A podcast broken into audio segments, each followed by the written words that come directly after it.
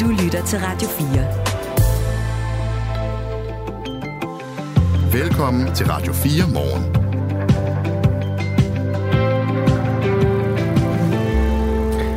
Godmorgen og velkommen til. Jeg hedder Kasper Harbo. Jeg hedder Anne Philipsen. De mennesker, som man kalder det grå guld, seniorer, folk over 55-60 år, vil man gerne have flere af ud på arbejdsmarkedet. Uh, de er så værdifulde. Problemet er, at de også er dyre. Det er i hvert fald en af de diskussioner, som man aldrig rigtig har fået taget. Før nu, for vi tager den om et par minutter. Øh, seniorerne har jo optjent øh, ja, sådan en ancienitetsbordet løn, som hen ad vejen gør, at de faktisk er dyrere end de 30-årige. Måske er de heller ikke altid bedre. Det kommer måske an på emnet. Der er mange sådan ømme tær i den her debat, og derfor glæder jeg mig enormt meget til den. Den åbner om et par minutter, så kommer den også til at fylde noget øh, mellem 7 og 8 her i Radio 4 morgen. Som du kan høre i nyhederne, så øh, fylder en anden historie også her til morgen, nemlig den, at øh, danske sædbanker udbetaler deres øh, kompensationspenge til sæddonorerne kontant. Det er noget, som vi øh, har øh, fundet ud af ved at tale med landets tre største sædbanker her på Radio 4. Det betyder jo altså også, at det er op til den enkelte donor selv at indberette kompensationspengene til skat. Og det er langt fra alle, der gør det. Vi skal høre fra et øh, par af de sæddonorer, der modtager eller har modtaget kontanter for, øh, for det, de har øh, leveret. Det skal vi øh, høre mere om cirka 20 minutter over 6 her til morgen. Siden det tidligere på ugen kom frem, at øh, seksuelle overgreb og vold har ramt helt små skolebørn på Borup skole, der ligger i Køge Kommune, har nogle forældre sendt deres ja, eller kæreste, små børn i skole med hjertet helt op i halsen. Køge Kommune tog hånd om det i går og inviterede alle forældrene til et øh, dialogmøde om, hvordan hverdagen bliver efter de her grimme sager. Og Christina Nielsen, som vi også har talt med tidligere på ugen om, hvor ubehageligt hun synes, det er. Hun er med os, øh, fordi hun var også med på mødet i aftes. Hun er med hos os lidt over halv syv. Og så er der øh, premiere i dag på en ny musical. Den er baseret på tv-serien Matador. Spørgsmålet er jo så, om den øh, lever op til den kæmpe kultstatus, som øh, serien har fået. Vi skal få øh, dommen fra en, der i hvert fald har en holdning til det, nemlig øh, Matador-nørden Janus Madsen. Han har nemlig været til forpremiere på den her musical. Det er meget øh, nærliggende følelse at blive vred. Øh, sådan lidt på forhånd, når nogen piller ved det gamle arvesøl. Nogle gange kan det også være det, der gør, at nogle nye mennesker får øjnene op for det. Ja. Så vi skal høre. Det, det kan også være, at det, det er det, der er budskabet. Vi finder ud af, at han er med os kvart i syv her til morgen. Klokken er 8 minutter over 6. Godmorgen og velkommen til. Husk at skrive til os på 1424, ja. hvis du opdager et eller andet vigtigt. Du lytter til Radio 4 morgen. Manglen på arbejdskraft er et tema, der bliver ved med at fylde. Vi kommer til at mangle hænder, som det hedder, altså mennesker med to hænder på arbejdsmarkedet i fremtiden. En af løsningerne er, at vi alle sammen bliver lidt længere tid på arbejdsmarkedet. Men for at det skal lykkes, så skal vi øh, åbenbart tale om den løn, som ældre medarbejdere får. Det mener den administrerende direktør i AP Pension. Han siger blandt andet sådan her til Berlingske. Det er muligvis ikke så politisk korrekt, men vi er nødt til at tale om, at vi alle har en markedsværdi på arbejdsmarkedet, og på et eller andet tidspunkt falder den. Citat slut. Det er Bo Norman, Anders, uh, undskyld, Bo Norman Rasmussen, der siger det. Administrerende direktør i AP Pension, som vi også har ringet til nu. Godmorgen. Godmorgen, godmorgen. Hvor gammel er du? Jeg er 54 år, så, og lige om lidt 55. Hvornår falder din markedsværdi? Jamen, det er jo meget individuelt, hvornår ens øh, markedsværdi øh, den falder. Men måske jeg lige skulle starte med at sige, at når vi melder os ind i den her lidt øh, varme kartoffel eller vipserede, så er det fordi AP Pension øh, virkelig gør meget for, for, for medarbejdere rundt omkring. Vi er det jo de første, der er certificeret inden for ligestilling og diversitet i, øh, i Danmark. Vi har lige løn. Vi er nærmest lige mange mænd og kvinder på alle ledelseslag. Vi gør rigtig meget for at fastholde vores seniorer på, på arbejdsmarkedet. Mm. Og nu skal vi jo blive frem til, vi er 72, i hvert fald øh, nogle af os. Og som Mette Frederiksen siger, jamen øh, alle, der kan arbejde, de skal arbejde.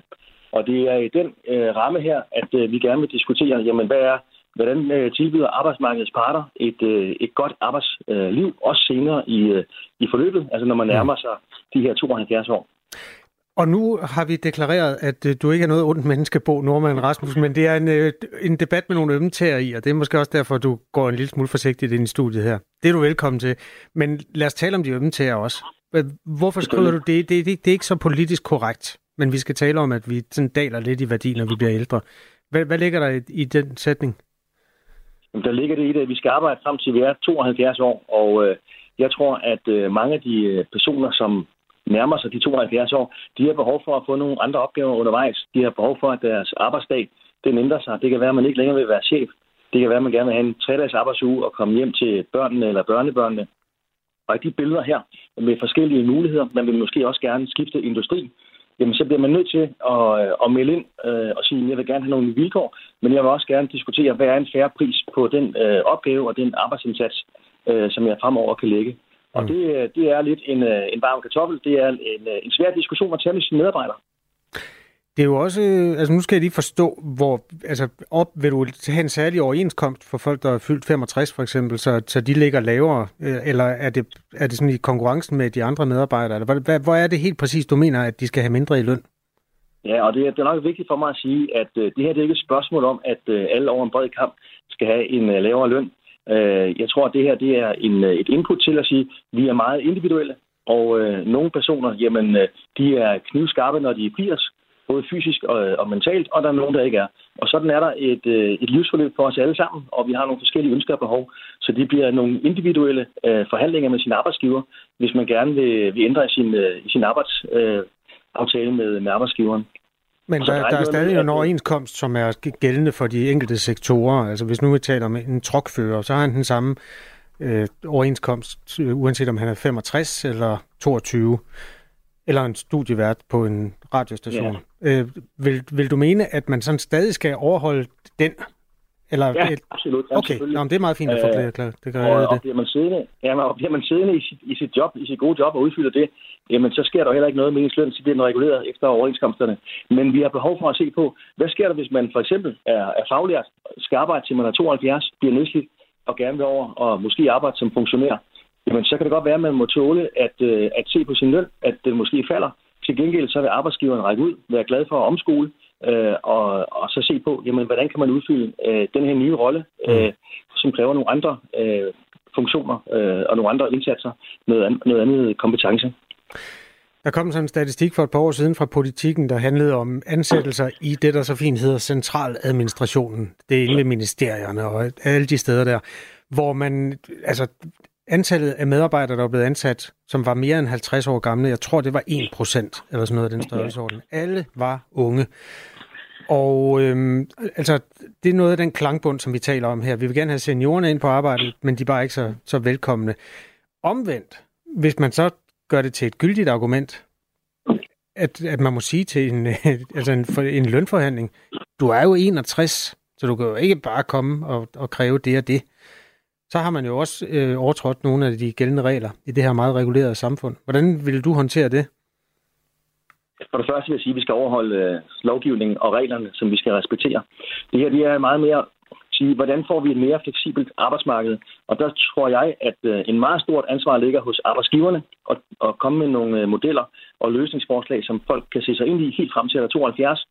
Til gengæld så vil der være nogle medarbejdere, som må tåle, at lønnen den er til diskussion, og måske endda bliver sat ned. Og det er altså, som jeg siger, det er en løfterede, det er en varm kartoffel. Øh, men det tror jeg, at hvis det skal være en god symbiose mellem arbejdsgiver, arbejdsgiver og arbejdstager, så bliver man nødt til at diskutere begge dele. Både, hvad kan du gøre for mig, kære mm. arbejdsgiver, øh, og kære lønmodtager, hvad er en færre pris på, på den nye stol, som du nu overtager?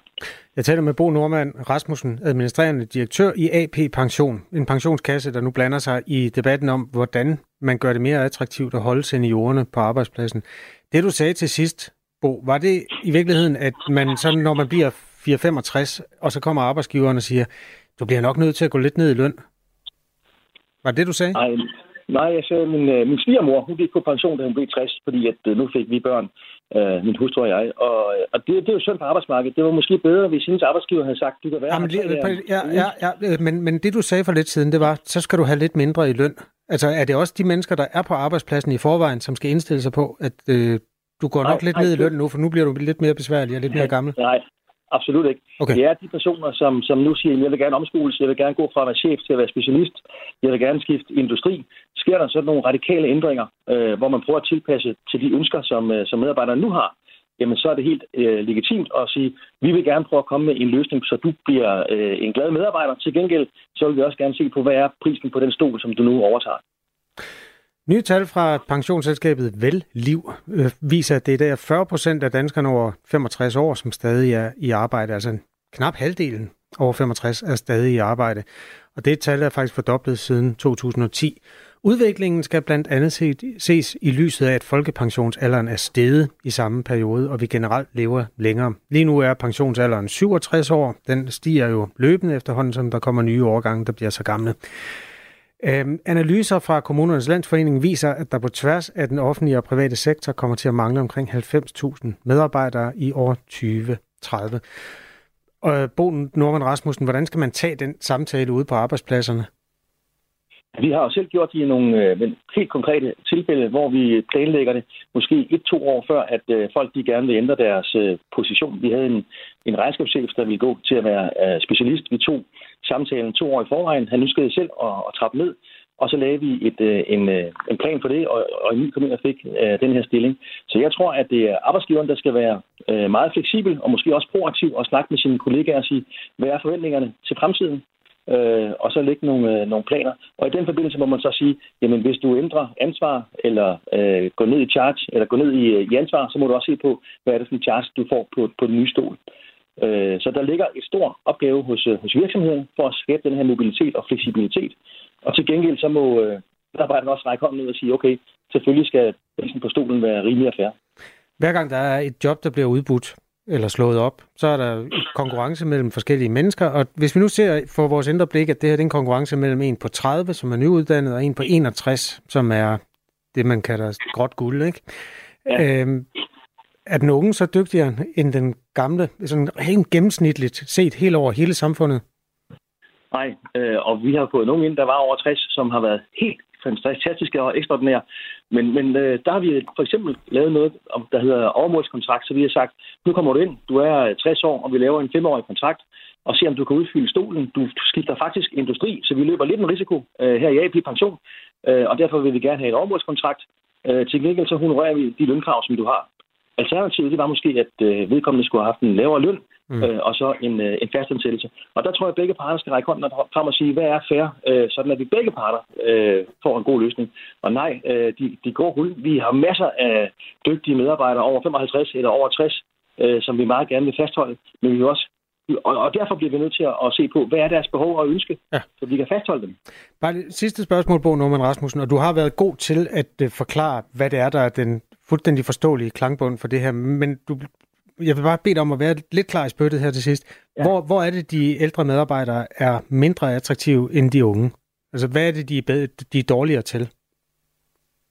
Jamen, øh, det er jo ligesom med... Øh, vi har lidt det billede, at øh, når du starter på arbejdsmarkedet øh, som, som 30-årig, så stiger din, øh, din markedsværdi, fordi du tilegner dig hurtigt en masse ny øh, kompetence. Der er en stejl læringskurve, så din løn den stiger også kraftigt. Og så flader den ud øh, med alderen. Og på et eller andet tidspunkt, jamen øh, vi ved jo godt, at en 100-årig kan ikke performe det samme som, som en 60-årig osv. Og den der nu taler vi om en 30-årig i forhold til en ja, 60-årig. Ja. Ja, og, og, og der er masser, der er dygtige lige frem til, de går på pension, og der er nogen, der gerne vil, vil drosle ned. Øh, det, det er individuelle forløb, så man kan ikke sige, man kan ikke generalisere. Øh, øh, man skal passe på med at generalisere, vil jeg sige. Ja, øh, det er, det, det er individuelle forløb.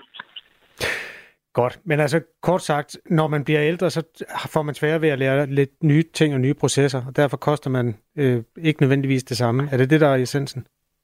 Nej, det er det her med, at vi skal have fleksibiliteten, vi skal imødekomme ja, okay. med Frederiksens krav, og derfor så bliver vi nødt til at række hånden ud øh, begge parter. Og, og det, som øh, medarbejderne kan byde blandt andet, det er jo at, øh, at genbesøge, øh, hvad er prisen på stolen, hvis man gerne vil have en, en anden stol. Og vi vil meget gerne fastholde medarbejderne helt frem til, til 72 eller, eller senere. Tak fordi du var med, Bo Norman Rasmussen.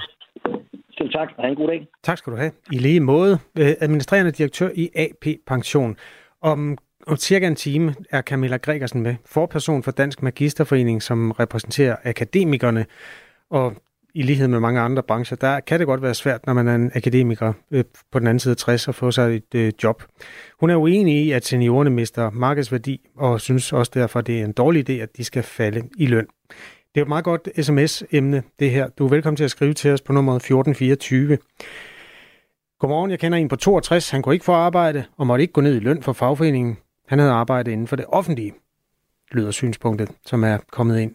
Det kunne også øh, være interessant, hvis der var nogen, der selv havde prøvet, altså som lytter med her til morgen, der selv har prøvet at øh, komme ind, for eksempel i en øh, moden alder, eller som nyuddannet, øh, og sådan har oplevet de der forhandlingsmekanismer, hvad er det egentlig, der bliver slået på, fordi den anden vej rundt kan man jo også opleve, at det med manglende erfaring kan være øh, en stor faktor, når man skal forhandle løn.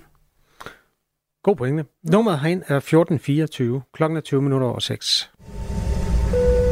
Ladies and gentlemen, welcome aboard this Northwest Orient Airlines Flight 305 with services from Portland to Seattle. En mystisk passager rækker en stewardesse en håndskreven seddel. Miss, you'd better look at that note. I have a bomb. Det handler om D.B. Cooper. Manden, der plyndrer et fly. Han vil have 200.000 dollars i kontanter. Hopper ud af det med faldskærm på og øh, forsvinder sporløst.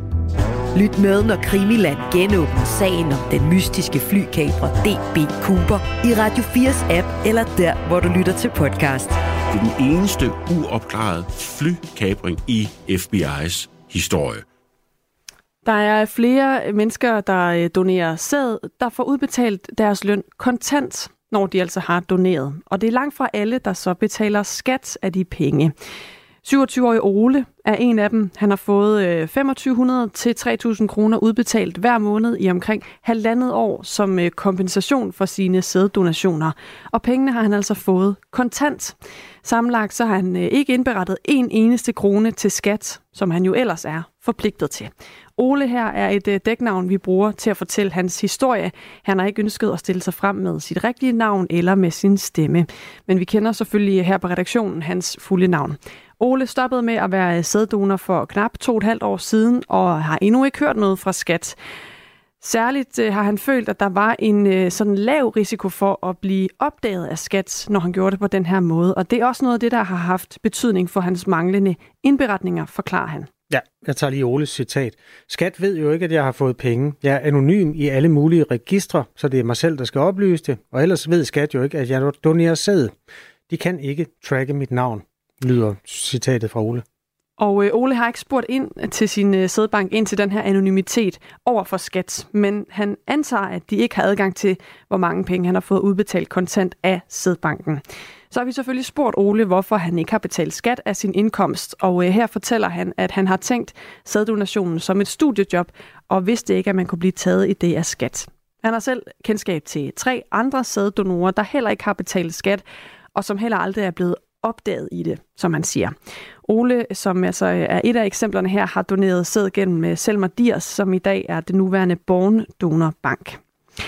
En anden, der øh, donerer sæd, og faktisk også gør det den dag i dag hos Born Donor Bank, det er Emil på 25 år. Han har været sæddonor i cirka halvandet år og har heller aldrig betalt skat af sine penge.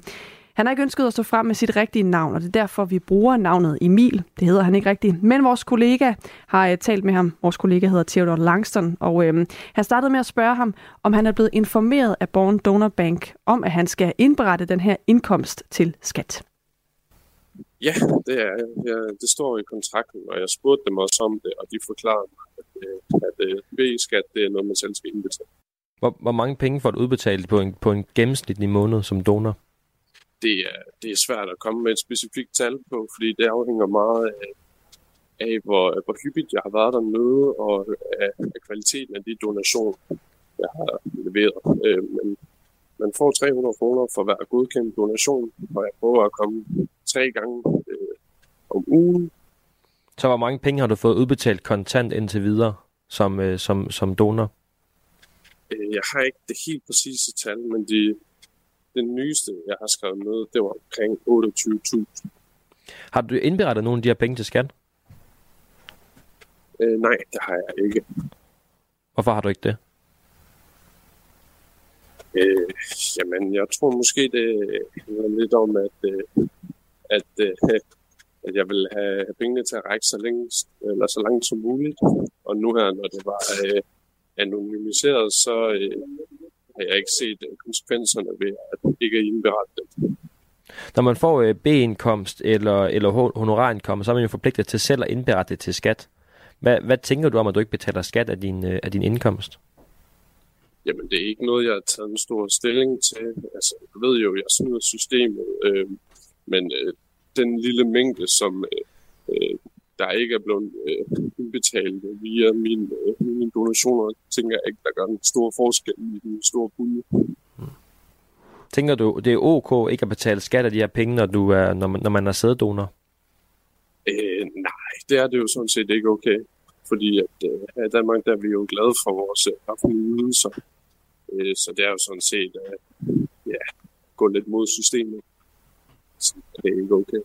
Det sagde altså øh, Emil, som øh, vi har valgt at kalde ham her, der er sæddonor hos Born Donor Bank. Det øh, hører sammen, øh, tilhører sammen med European Sperm Bank og Kryos International øh, Danmarks tre største sædbanker. Øh, det er sådan, at Born Donor Bank betaler alle deres donorer kontant, og det samme gør Kryos International, som oplyser, at de er ved at udfase den kontante betaling. De ønsker ikke at oplyse, hvor mange der indtil videre øh, får udbetalt penge via banken i stedet for kontant. Hos European Sperm Bank der har man øh, siden øh, 2022 kun udbetalt kompensationspengene via banken til nye donorer. Samlagt så har European Sperm Bank og Kryos International ca. 950 aktive donorer. Born Donor Bank ønsker ikke at oplyse, hvor mange aktive donorer der er, eller hvor mange penge, der bliver udbetalt kontant. Ej heller vil de stille op til interview. Det gælder heller ikke hos Kryos. Til gengæld har Born Donor Bank sendt et skriftligt svar. Det er Marlene Vium, Managing Director hos Born Donor Bank, der skriver. Hos Borgen udbetaler vi i kontanter, og baggrunden for dette er en forspørgsel blandt vores donorer om, hvad de ønsker, og det var konklusionen. Vi har hos Borgen fuldstændig overblik over udbetalingerne og til hvem, der dette kræves regnskabsmæssigt. Vi har også spurgt, om Borgen Donorbank indberetter de kontante udbetalinger til skat, og hvorvidt de bruger det, at deres donorer får penge udbetalt kontant, som en del af deres strategi for at tiltrække donorer. Og svaret lyder, vi indberetter ikke til skat, da dette vil kompromittere anonymiseringen af donor med et alias. Alias er det navn, som vi øh, kender donor som efter optagelse. Kompensationen er fastlagt ved lov, og vi ser det ikke som et beløb, der lokkes med. Det svarer til den tid, som donor benytter til donation. Bemærk dog, at beløbet ikke er reguleret i overvis. Og så fortsætter hun. Kompensationen ser vi hos Born som en mulighed for, for, for at forsøge for eksempel en studietid. Og dermed bliver det altså i praksis skattefrit, når man får udbetalt pengene kontant. Det er jo et politisk spørgsmål, og dem har vi også ragt ud til politikerne altså. Ja, vi har øh, forsøgt at få en kommentar fra flere af skatteordførerne i Folketinget, også blandt regeringspartierne. Blandt andet så har vi ragt ud til Socialdemokratiets skatteordfører Anders Kronborg. Han er på ferie. Så har vi ragt ud til Moderaternes skatteordfører Mohammed Rona, der ikke ønsker at udtale sig. Til gengæld så vil øh, Hans Christian Skiby der er Danmarksdemokraternes skatteordfører, gerne udtale sig om de her kontante udbetalinger fra sædbankerne. Han har, øh, vil jeg lige sige, som en regibemærkning mistet stemme, men vi nåede at fange ham, inden den forsvandt helt. Og vi øh, spurgte ham, hvad han tænker om, at veletablerede virksomheder benytter et system, hvor man altså udbetaler kontanter til de unge mænd for den her ydelse, de leverer i sædbankerne. Jeg synes jo naturligvis, at man skal betale den skat, man skal. Og vi kan jo ikke bare have folk, de øh, skal der valgte til, om de synes, de har lyst til det eller ej altså der må man jo sikre, at dem, øh, der udbetaler de her penge, de dels gør det på et retmæssigt grundlag. Vi har masser af regler i Danmark omkring udbetaling af penge. Og, øh, og det, det vil da også være nærliggende at kigge på, hvordan man udbetaler de her midler til, øh, til sæddonorer, fordi hvis man sådan bare år efter år kan, kan, kan, kan omgå øh, øh, at betale skat, øh, så er det jo altså en, altså er det jo en glidebane. Jeg synes jo også, at man med al respekt skal sige, at når folk de, øh, leverer den form for ydelse, som de gør her, så, så øh, skal de selvfølgelig også have, have, have betaling på det. Men altså, det skal ikke være skattefrit øh, at arbejde i Danmark i den forstand. Øh, der er andre, der betaler skat af deres arbejde, og det skal øh, sætte nogen naturligvis også. Danmarksdemokraternes skatteordfører Hans Christian Skiby mener, at skat bør gå ind og undersøge den her sag nærmere. Så skat, de har jo mig, der giver til tid for tiden.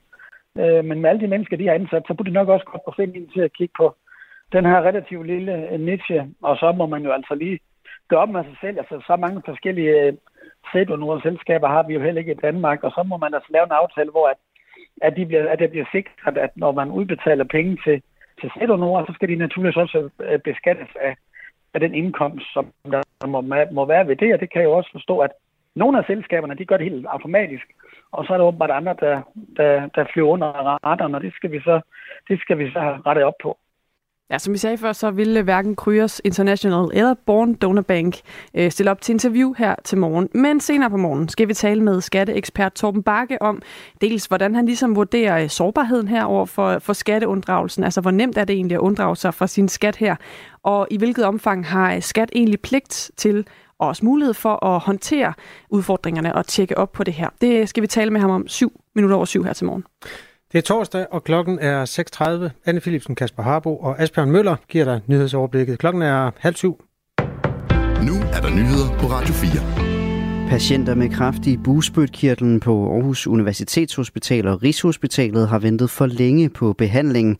Det oplyser danske regioner i et notat ifølge Berlingske. I notatet fremgår det ifølge avisen, at der periodevis har været mellem 3 og 4 ugers ventetid på en operation. Reglerne tilskriver, at der højst må gå to uger. Og det bekymrer direktør i kraftens bekæmpelse Jesper Fisker, fordi det er en kraftform, som i forvejen har en dårlig prognose og ofte opdages for sent. Det siger han til Berlingske. Ventetiderne er blevet overskrevet på grund af mangel på kapacitet, ifølge avisen. Og ifølge kraftens bekæmpelse får mere end 1.100 personer om året konstateret kraft i bugspytkirtlen. Mange hundrede sæddonorer betales kontant, når de afleverer sæd til nogle af Danmarks største sædbanker. To af landets tre største benytter sig nemlig fortsat af et system med kontantbetaling, og det kan åbne for, at der ikke bliver betalt skat af betalingen. Her på Radio 4 har vi været i kontakt med en sæddonor, som fortæller, at han har tjent i omegnen af 28.000 kroner, og han har ikke indberettet en eneste krone til skat. Jeg har følt lidt, at at det var øh, på en måde umuligt for dem at finde ud af, hvordan her, hvor meget jeg tjente og øh, hvem jeg var. Øh, sådan, så jeg har på en måde følt lidt, at, at det kunne gå galt. Selvstændig skatteadvokat ved Skattesagen, Torben Bakke, forklarer, at sædbankerne ikke gør noget ulovligt ved at udbetale penge kontant som kompensation i forbindelse med sæddonationer. Samtidig er der heller ingen tvivl om, at indkomsten den er skattepligtig. Til gengæld vurderer han, at et system med kontante udbetalinger til anonyme sæddonorer er relativt sårbart over for skatteunddragelse. Og derfor har myndighederne også fokus på at afskaffe kontantbetaling. Det er jo alt sammen baseret på, at der foreligger undersøgelser, der viser, at der er evidens for at antage, at ved kontantbetalinger, jamen der er sandsynligheden for, at de pågældende beløb bliver beskattet væsentligt mindre, end hvis det bliver bankoverført med videre. Sæddonationer kan indbringe op til 6.000 kroner om måneden for den enkelte donor i kompensation. Ifølge sædbankerne foregår kontantbetalingen efter ønske fra donorerne. Rusland forsøger at udvikle et rumbaseret våben. Det viser efterretninger, som kongressen i USA er blevet oplyst om. Det samme gælder de allierede i Europa. Efterretningerne kommer efter, at Mike Turner, som er medlem af repræsentanternes hus og formand for husets efterretningskomité, i går udsendte en udtalelse, der var både atypisk og lettere kryptisk.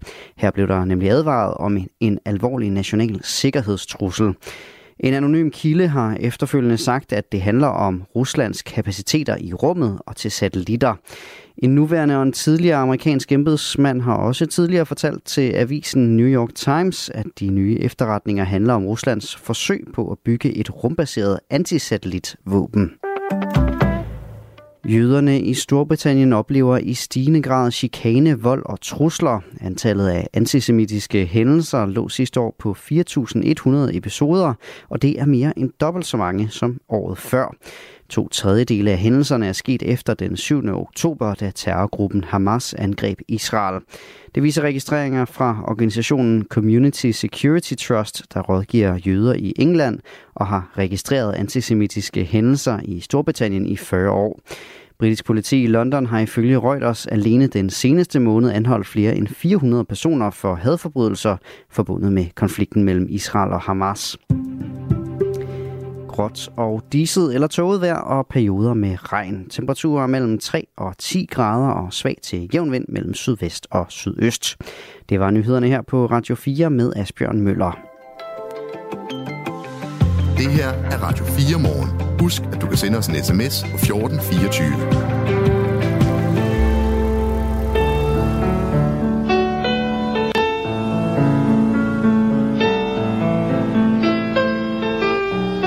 Gud, lad du mærke til, hvordan den lige starter samme tone, som vores jingle slutter? Nej, det har jeg da faktisk ikke Det har jeg tænkt over før. Nå. Vores uh, jingler er C-dur. Det er Matador øh, kendingsmelodien måske også. Hmm. Nå, men det er jo, øh, ja, Matador, den lyder altså ikke sådan længere. Den lyder sådan her nu. Første blik,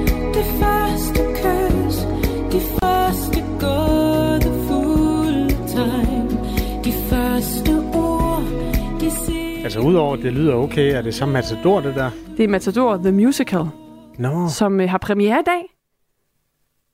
Ja, mm. ja, og det vidste jeg godt. Ja. Jeg er bare lidt par for, at man har taget et univers og lavet det så meget om. Jeg det, tror, det, det, det, det var noget, jeg klar til. noget at gøre med, at det er også Burhan G., der står bag noget af musikken. Det lyder lidt anderledes, end Ben Fabricius Bjerre gjorde. Men uanset hvad, så er der altså øh, premiere på den her nye Matador musical i dag. Øh, sang, vi lige hørte, hedder Den Første Gang, og er for den her musical, som jo er øh, med Susanne Bier og Anders Thomas Jensen bag kulisserne. Øh, de har jo også arbejdet sammen med Lise Nørgaard, hende selv, om den her musical, inden hun øh, døde. Så er spørgsmålet jo, om den her øh, nye musical med den nye musik kan leve op til den Matador, vi kender, og som mange holder af. Det skal vi øh, tale med en Matador-fan, Matador-nørd om. Han hedder Janus Madsen, og han har været inde og se forpremieren på Matador The Musical. Det er om cirka 10 minutter. Ja. Radio 4 morgen i dag med Anne Philipsen og Kasper Arbo. Klokken er 6.35. Det her er Radio 4 morgen. Køge Kommune inviterede i går alle forældre øh, på til et undskyld, alle forældre til børn i indskolingen til et dialogmøde. I pressemeddelelsen skriver kommunen, at det vigtigste hensyn lige nu er forældre og den dialog, som der er brug for, at vi har med dem. Alt sammen selvfølgelig i kølvandet på de triste sager, der er kommet frem på den skole, der hedder Borup Skole. Lars Nedergaard, der er chef for dagtilbud og skole i Køge Kommune, han øh, startede det efterfølgende pressemøde sådan her. Det er en frygtelig situation, ikke mindst for børnene på Borup Skole, som vi skal i gang med nu. Vi har en skærpet opmærksomhed på, om vi kunne have gjort noget anderledes. Og det er ikke en diskussion, om vi kan lære noget af det her. Selvfølgelig kan vi lære noget af det her, og vi skal lære noget af det her. Han fortalte på pressemødet, at kommunen kender til tre konkrete episoder, der involverer 7-10 børn. Lars Nedergaard præsenterede også nogle tiltag, der skal bruges øh, på Borup Skole, blandt andet tilbud til forældre om timer hos en psykolog, og så sætter kommunen ekstra tilsyn på skolen, hvilket betyder ekstra gård- og gangvagter. Alt sammen for at øh, berolige de forældre, der har haft hjertet op i halsen, når de har sendt deres kære børn en tur i skole. Christina Nielsen har vi talt med tidligere på ugen, og nu er hun her igen. Godmorgen, Christina Nielsen. Godmorgen. Mor til en datter på Borup Skole, og var med til dialogmødet i aftes. Hvordan har du det ja. nu? Var det bedre? Ja, jeg har det ikke særlig godt. Nej, jeg har ikke sovet så meget i nat. Øhm, så jeg er bestemt ikke rolig eller noget som helst. Hvad er det, der holder dig vågen om natten?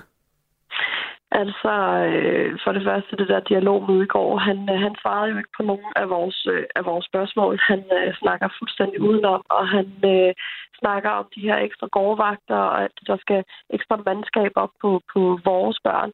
Og det er, jo ikke, det er jo ikke det, vi har brug for. Hvad er det, I har brug for? Vi har brug for, at de her, de her børn, der har gjort de her forfærdelige ting, de skal jo ikke gå på Borup skole de skal jo ud og have noget hjælp. Altså, de skal jo have et andet, et andet dagtilbud, som, øh, som der, kan, der kan hjælpe dem, fordi tydeligvis har de jo også brug for noget hjælp. Stillede du selv nogle spørgsmål om det her? I går, der var jeg øh, tavs. Nu har jeg sagt rigeligt øh, frem, så og jeg vil sige, der var rigtig mange, der kom med de her spørgsmål, som jeg, som jeg selv sad, sad inde med. Så, øh, så det, var, det var meget fint. Altså spørgsmålet, hvorfor skal de børn gå på skolen, når de har lavet de her grimme ting, eller hvad? Var det de spørgsmål? Ja. Hvad, hvad lød svaret ja. så? Det kunne han ikke gå ind på, og det var noget GDPR-sag, og det var noget alt muligt. Han, øh, altså, de, de snakkede enormt meget udenom, og vi, vi sad jo frustrerede forældre og kiggede på hinanden. Altså, hvad? Hvorfor kan han ikke bare... Men nej. Jeg taler med Christina Nielsen, der er mor til en datter, der går på Borup skole, hvor forældrene i går var til et øh, såkaldt dialogmøde, hvor Køge Kommune altså forklarede, hvad man vil gøre i forhold til de øh, anklager, og, altså, eller det er ikke bare anklager, det er jo simpelthen øh, erkendte voldtægter og voldsepisoder, der har været, som øh, handler om 7 til 10 børn. Øhm, Christine, jeg vidste ikke, da vi, vi havde lavet den her aftale i går aftes, så vi har ikke talt sammen her til morgen, så jeg vidste ikke, hvilken stemning Nej. jeg vil fange dig i, men jeg kan høre, at øh, du overhovedet ikke er tilfreds, og med de ting, du siger, så kalder det jo også på, at vi prøver at stille nogle af dine spørgsmål videre til Køge Kommune. Hvad er det for et spørgsmål, man sådan helt, altså hvad, hvad trænger sig mest på her? Jamen det, som der simpelthen trænger sig mest på, og det gælder alle de her forældre, der, øh, der er lige så nervøse som mig, det er, hvorfor er det, at de her børn de skal stadigvæk gå på skolen. Hvorfor er det, de skal gå sammen med dem, øh, de faktisk også har, har krænket? De sidder i den samme klasse De sidder ved siden af hinanden. Altså, det kan jo simpelthen ikke være rigtigt. Kender du nogen af forældrene til de børn, som det er gået ud over?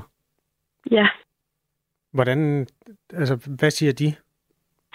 Altså, øh, der var også øh, der var en, der på møde i går, og hun var også øh, bestemt sådan ret frustreret øh, over det her. Og jeg tror, de er jo, de er jo frustrerede, man, man forstår det ikke. Men ja, det er sådan lidt uvirkeligt. Man tænker, hvad skal der til, før de her børn skal ud? Altså, hvad, hvad, hvad skal man gøre? Mm. Jeg kan lige læse noget af det, der trods alt sker, som Køge Kommune altså giver udtryk for, at der skal øh, indføres på Borup Skole. Yderligere tilsyn, og det betyder ekstra gård- og gangvagter. Lars Nedergaard, som var kommunens repræsentant på mødet, sagde flere gange, at der skal handling bag ordene. Andre tiltag er for eksempel, at forældre med børn på Borup Skole bliver tilbudt timer hos en psykolog. Har du overvejet at tage imod det? Nej, det, jeg ved ikke lige hvorfor. Øh, altså, det er det er de, her, de her tiltag, det var jo noget, der skulle have været for lang tid siden, og det er jo også det folk, de sidder, okay, så skal min, så, så nu, nu kan vi godt få psykologhjælp.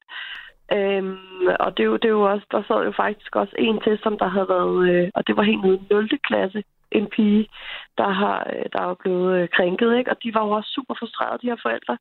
Nå, men fint, så kan vi jo så bare lige kontakte en psykolog nu, så lang tid efter. Det er, ja, de prøver virkelig at være deres hænder rene. Et af de mennesker, der hører Radio 4 morgen lige nu, hvor du er med, Christina Nielsen, skriver ind til os i en sms. Man kan skrive til os på nummer 1424. Overvejer du at holde dit barn hjemme, eller eventuelt skifte skole? Altså, øh, jeg ved, der er jo nogen, der, der holder deres børn hjemme nu. Øhm, PT, så kommer hun i skole, og heldigvis så er der jo vinterferie i næste uge. Øh, og det, det giver mig lige lidt ro i maven. Øhm, og skifte skole, nej, jeg synes jo, at det er... Øh, øh, altså, jeg, jeg bliver jo sådan lidt, at jeg skal ikke flytte mit barn fra skolen, som, og jeg er jo egentlig glad for skolen, som det lyder lidt dumt nu, men jeg er jo glad for skolen, og jeg er jo glad for hendes lærere og pædagoger. Det er bare det her problem. Hvorfor er det, de stadig skal gå der? Der er jo helt sikkert nogle regler for, hvornår et barn kan blive smidt ud af skolen. Kan det være derfor, at kommunen ikke bare lige kan stå på et møde og love, at de, de ryger ud? Jamen, og det er igen sådan, hvad, hvad, hvad er det? Hvad skal de så gøre? Hvad skal de gøre, før man, øh, man bliver smidt ud? I sidste, eller det er faktisk den her uge, der er en pige, der blev hjemsat, fordi hun har røget e-cigaret ude på toilettet. Altså, du ved, hun kan godt ryge hjem. Men fire børn, der har gjort sådan nogle grove ting, de går stadigvæk på skolen. Du sagde, at du kendte til forældre, der holder deres børn hjemme. Vil du fortælle noget mere om det? Altså, du behøver ikke sige deres navne, men hvad, hvad, er, det, hvad er deres situation? Jamen, de er utrygge. De er simpelthen de er så utrygge, og de vil ikke, øh, de, de vil simpelthen ikke sende deres børn afsted. Og nogle af de her børn, det kan også være nogen, der har det lidt svært i forvejen, og, øh, og der nu lige pludselig øh, øh, bliver der bemærket, at så kommer der ekstra mandsopdækning på dem, og de tænker, hvor, hvorfor skal vi nu lige pludselig have øh, 20 gårdvagter gående herude, når vi plejer at have to? Øhm, og det kan jo også gøre børnene super utrygge, og så er det jo ja, nemt, kan man sige, så kan man holde børnene hjemme, ikke? Talsmanden fra kommunen, Lars Nedergaard, blev flere gange spurgt til, hvad der skal ske med de børn, der angiveligt har krænket andre børn, og det svarede han ikke på. Øh, hans øh, citatet lyder sådan her.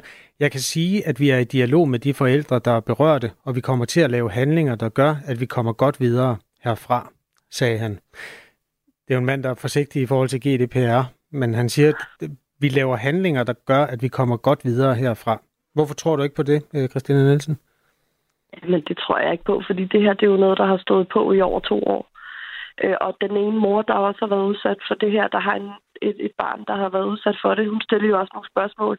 Jamen altså, det var noget, I skulle have gjort for lang tid siden. Så det, så det er jo det, det er sådan lidt... Man, man tror jo ikke på det.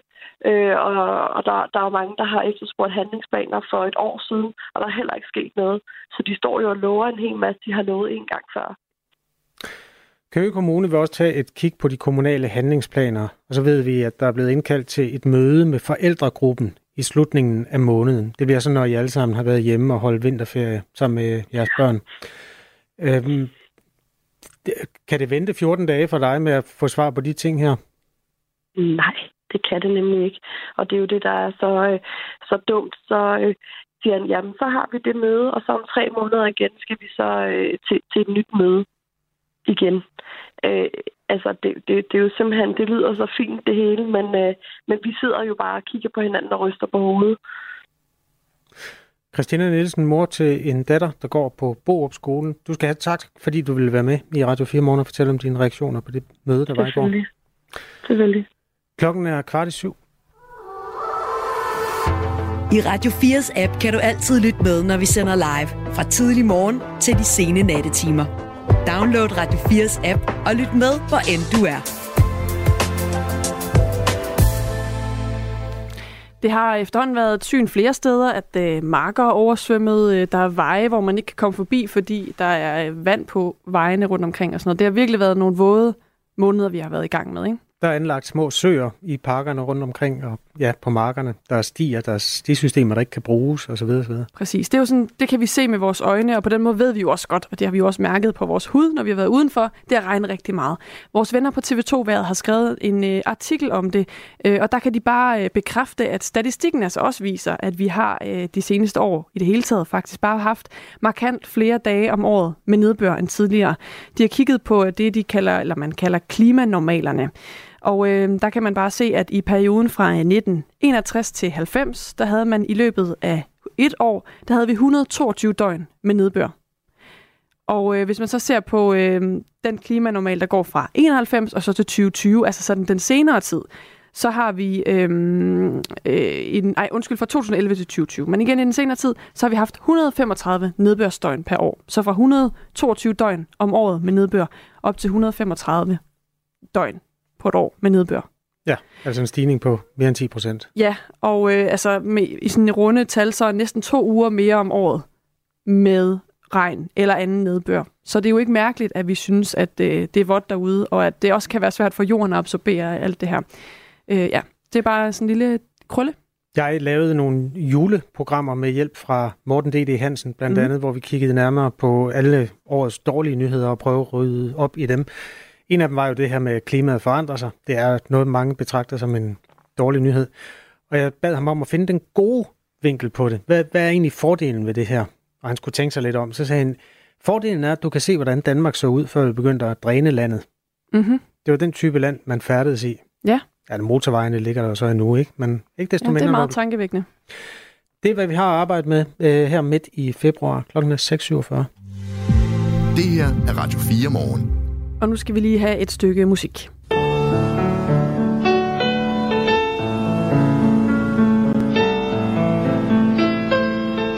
Det er jo øh, lyden af Matador, Ben Fabricius Bjerres øh, fuldstændig legendariske melodi.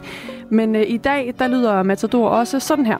Det første blik, det første kys, det første gåde Det er øh, sangen øh, Den første gang, og er øh, altså en sang fra den nye Matador musical, der har premiere i dag. Forfatterne bag musicalen, det er øh, Susanne Bier og Anders Thomas Jensen, som også har arbejdet sammen med Lise Nørgaard om musicalen, inden øh, hun døde.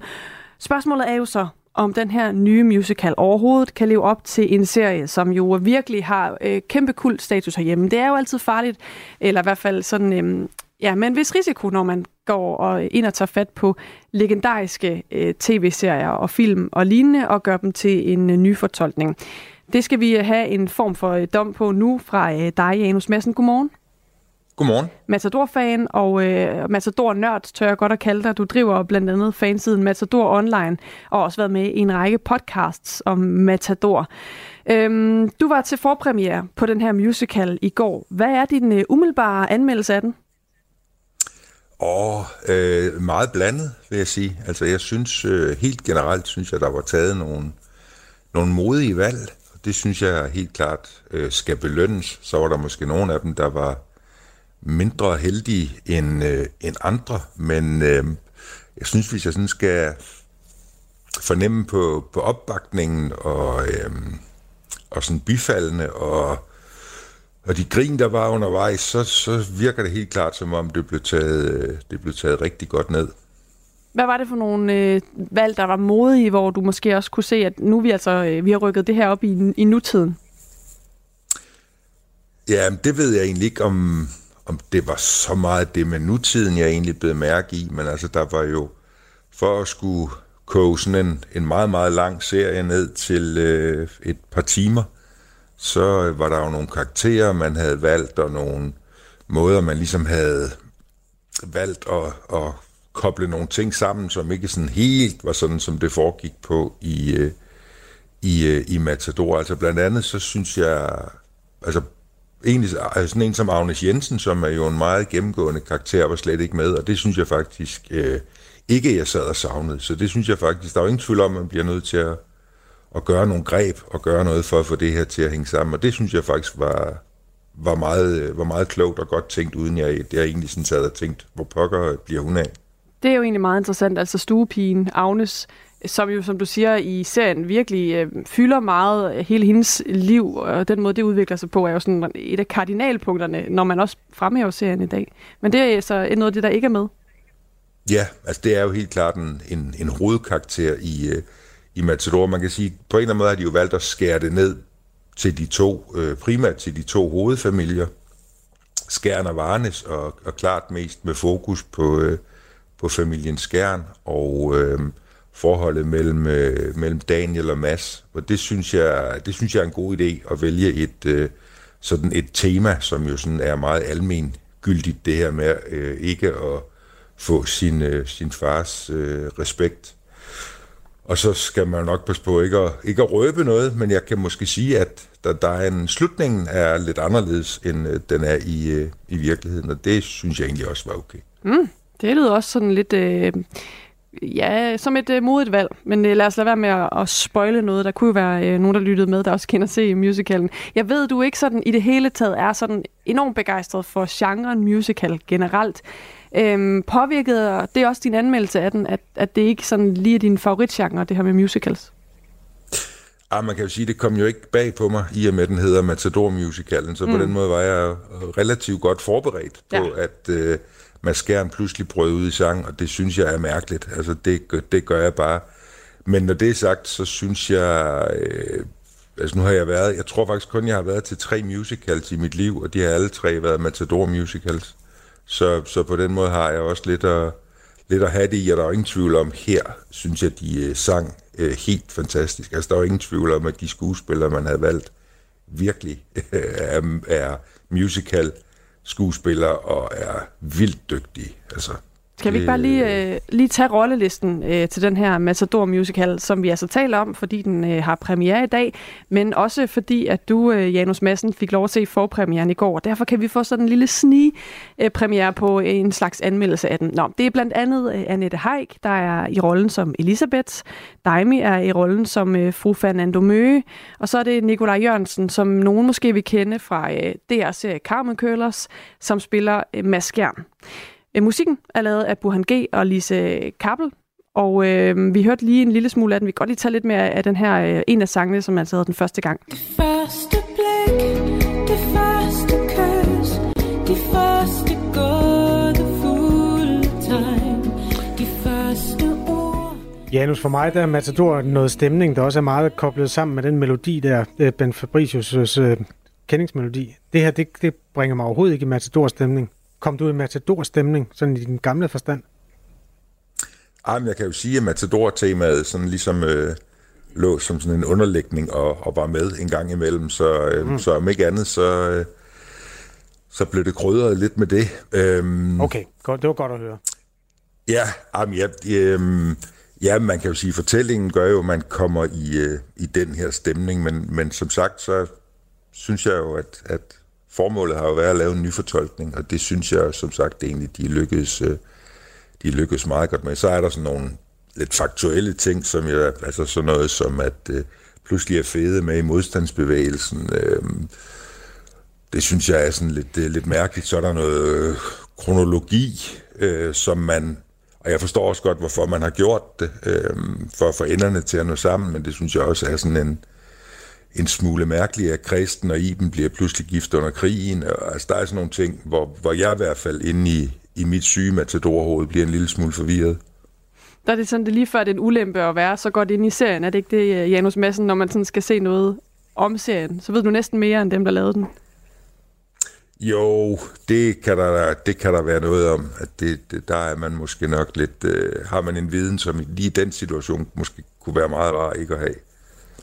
Vil du øh, her til sidst øh, anbefale andre Matador-fans at gå ind og se den her nye musical? Ja, men jeg, jeg tror... Øh, altså, jeg, jeg tror på en eller anden måde er der jo sådan en eller anden form for matador-afhængighed øh, i det her land, og så kan man jo diskutere, om man skal blive ved med at, at fylde, fylde på det, og, og ligesom gå med sin afhængighed.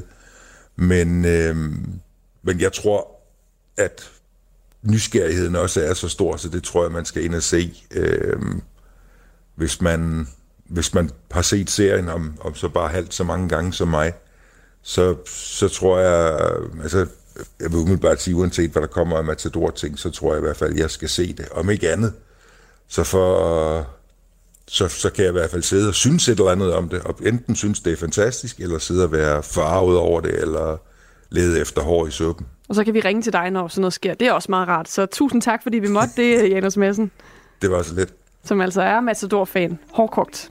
Det her er Radio 4 morgen. Husk, at du kan sende os en sms 1424. Nå, men så kan jeg lige lægge mig fladt ned, for jeg spillede noget i går, som øh, viste sig at være fup.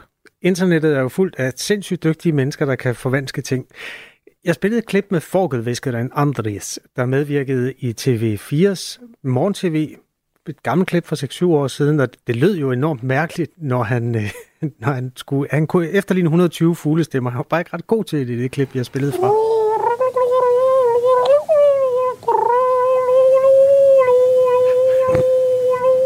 Det lyder jo ikke som en fugl, vel? Nej, otroligt vackert. Jag befinner mig i skogen. Ja. Det er jo simpelthen, fordi nogen havde skiftet, han, øh, de har lavet en såkaldt charrette. Ja. Her er den rigtige version.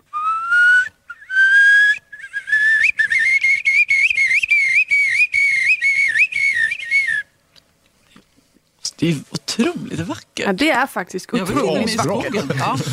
Ja, det, det er lidt bedre, ikke? Jo, det synes jeg. Vi løb igennem en quiz, der så viste sig at være det rene fup. Det var enormt, det var jo sindssygt sjovt, fordi han var så ringe til. Oho! Det var den, der var lagt ind over, det skulle angiveligt være en due. Ja. Øhm, vil du høre noget? Det, altså, er det ikke måden at ligesom sige undskyld til Andres, Jo, når jeg nu spillede de falske... Ja. Vi kan lige tage noget af, af det, som... Her var den, den version, vi bragte i går, hvor, hvor han quizzede, altså den falske Andres quizzede de to tv-værter i Skovens Fugle. Men, eh, tävling, en till. Mm. Just det.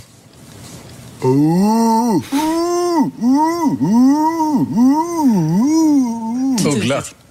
Där har vi den. Ringduvan. En Ringduva.